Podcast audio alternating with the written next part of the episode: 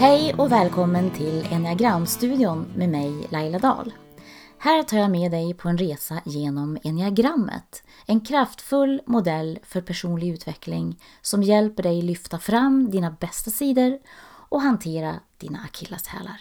Jag är par och relationsterapeut och driver terapistudion i Huddinge sedan drygt 15 år. Sen föreläser och skriver jag, nu senast boken Dina känslor är inte i vägen, som kom ut i år. Följ mig gärna på Instagram. Där heter jag Laila Dahl understreck terapistudion. Välkommen till veckans avsnitt.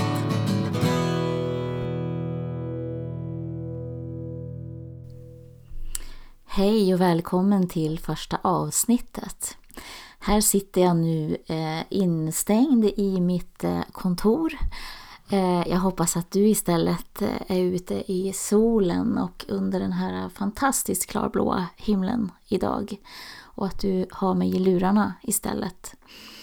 Ehm, vi ska ju prata om enneagrammet i den här podden. Och ehm, jag kom i kontakt med enneagrammet för en sådär 15 år sedan ungefär. Och eh, har sedan dess Eh, i små, små etapper utbildat mig eh, och certifierat mig i det här verktyget som jag har kommit att börja använda mer och mer i min eh, terapiverksamhet. Eh, det som är fint med enneagrammet om man jämför det med andra eh, personlighetstest och andra modeller för personlig utveckling, tänker jag, det är bland annat att eh, man kan gå väldigt djupt med enagrammet. Du kan lära dig lite grann om det och eh, absolut få hjälp och få syn på saker om dig själv och andra. Men ju djupare du går desto eh, mustigare information kan du få och desto mera hjälpt kan du bli, tänker jag. Ehm, så vad är då enneagrammet för någonting? Ja, men det är ju en, eh, det är en eh, modell som består av nio olika punkter. Där varje punkt från 1 till 9 representerar eh, en strategi. Och det är också viktigt att veta att enneagrammet ringar inte in hela din personlighet. Jag menar, en människa består ju av så många saker. Eh, så att det vore ju väldigt märkligt om man skulle fördela oss alla i nio olika personlighetstyper. Mer komplicerade än så är vi ju faktiskt. Eh, men vad den gör är att den ringar in en strategi som du har med dig från barndomen Eh, Eh, och som du har mer eller mindre använt så mycket och så ofta och i princip hela tiden eh, så att den har blivit automatiserad i dig. Det, det, det är liksom inte... Du väljer inte alltid hur du reagerar och agerar och hur du tänker, känner och så vidare. Eh, utan det bara händer kan man säga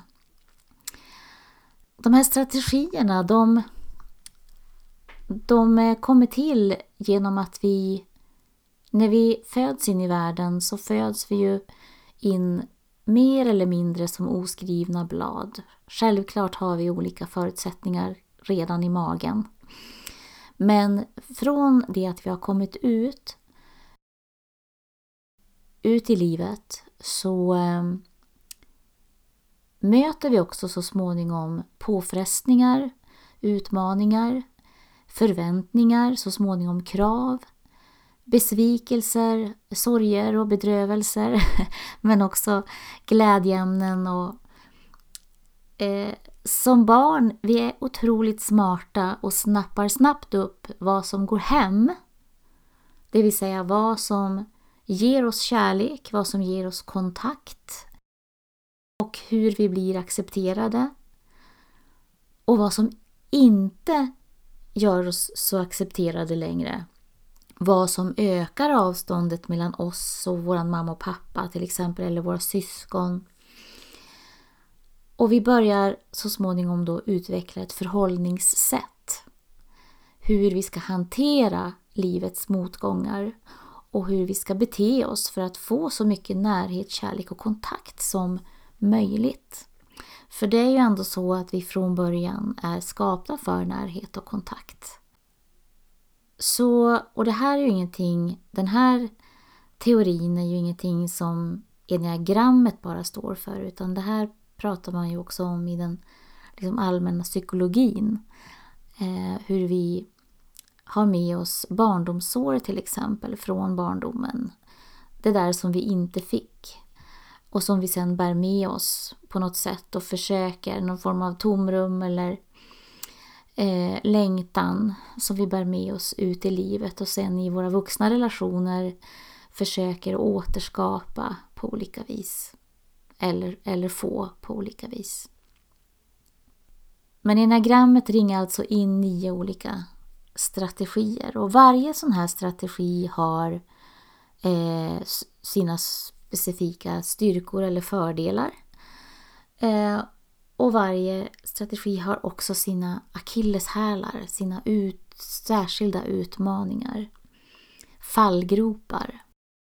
Om du har en partner till exempel, eh, att det där som du retar dig på ibland efter några år tillsammans, eh, det kanske var faktiskt det som du föll för i början.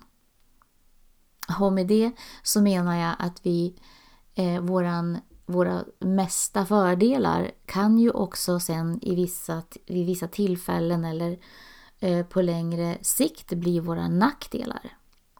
Eh, och det som skapar irritation och problem. Vi säger till exempel att du är oerhört anpassningsbar och flexibel och din partner älskar det med dig. Att det är så otroligt lätt att ha med dig att göra. Men med tiden, om du är alltför anpassningsbar och flexibel så skapar ju det indirekt problem.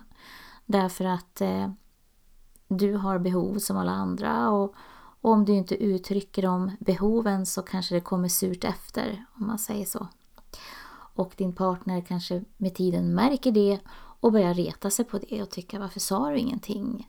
Eh, eller man börjar fråga efter men vad vill du då, vad tycker du och så vidare. Eh, och det här gäller för alla de här nio punkterna, att vi har våra styrkor som också kan bli våra svagheter. Och det är ju på något sätt trösterikt tycker jag.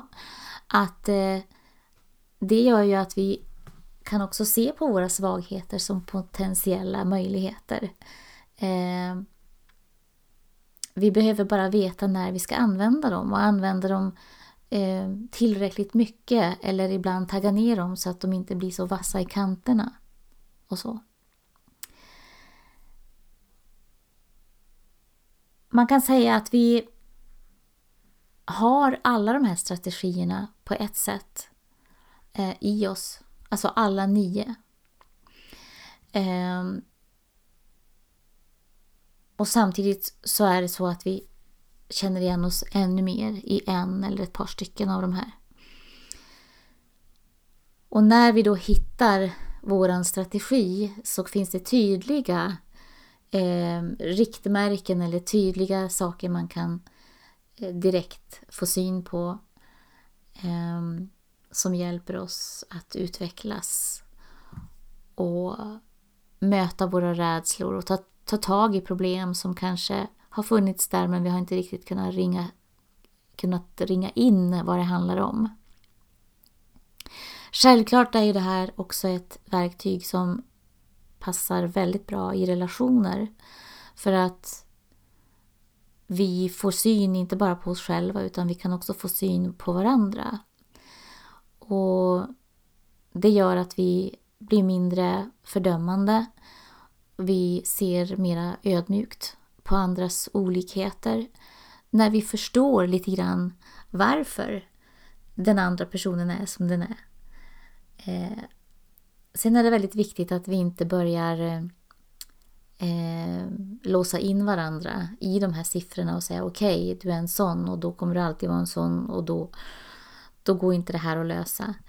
Eh, Utan tanken är ju att det här ska bara på något vis kasta ljus på någonting så att det blir tydligt och så att det blir hanterbart och så att vi kan jobba med det och förändras och utvecklas.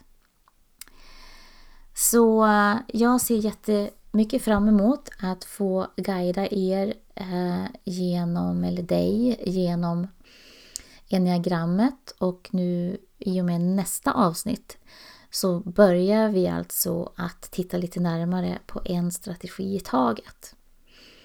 Så nästa gång så kommer jag att berätta om nummer ett som också går under namnet Förbättraren. Så håll ögon och öron öppna. Eh, jag kommer att förvarna lite när, när avsnittet ligger ute på Eh, Instagram och på min officiella Facebook-sida. Så ta hand om dig och vi hörs snart igen.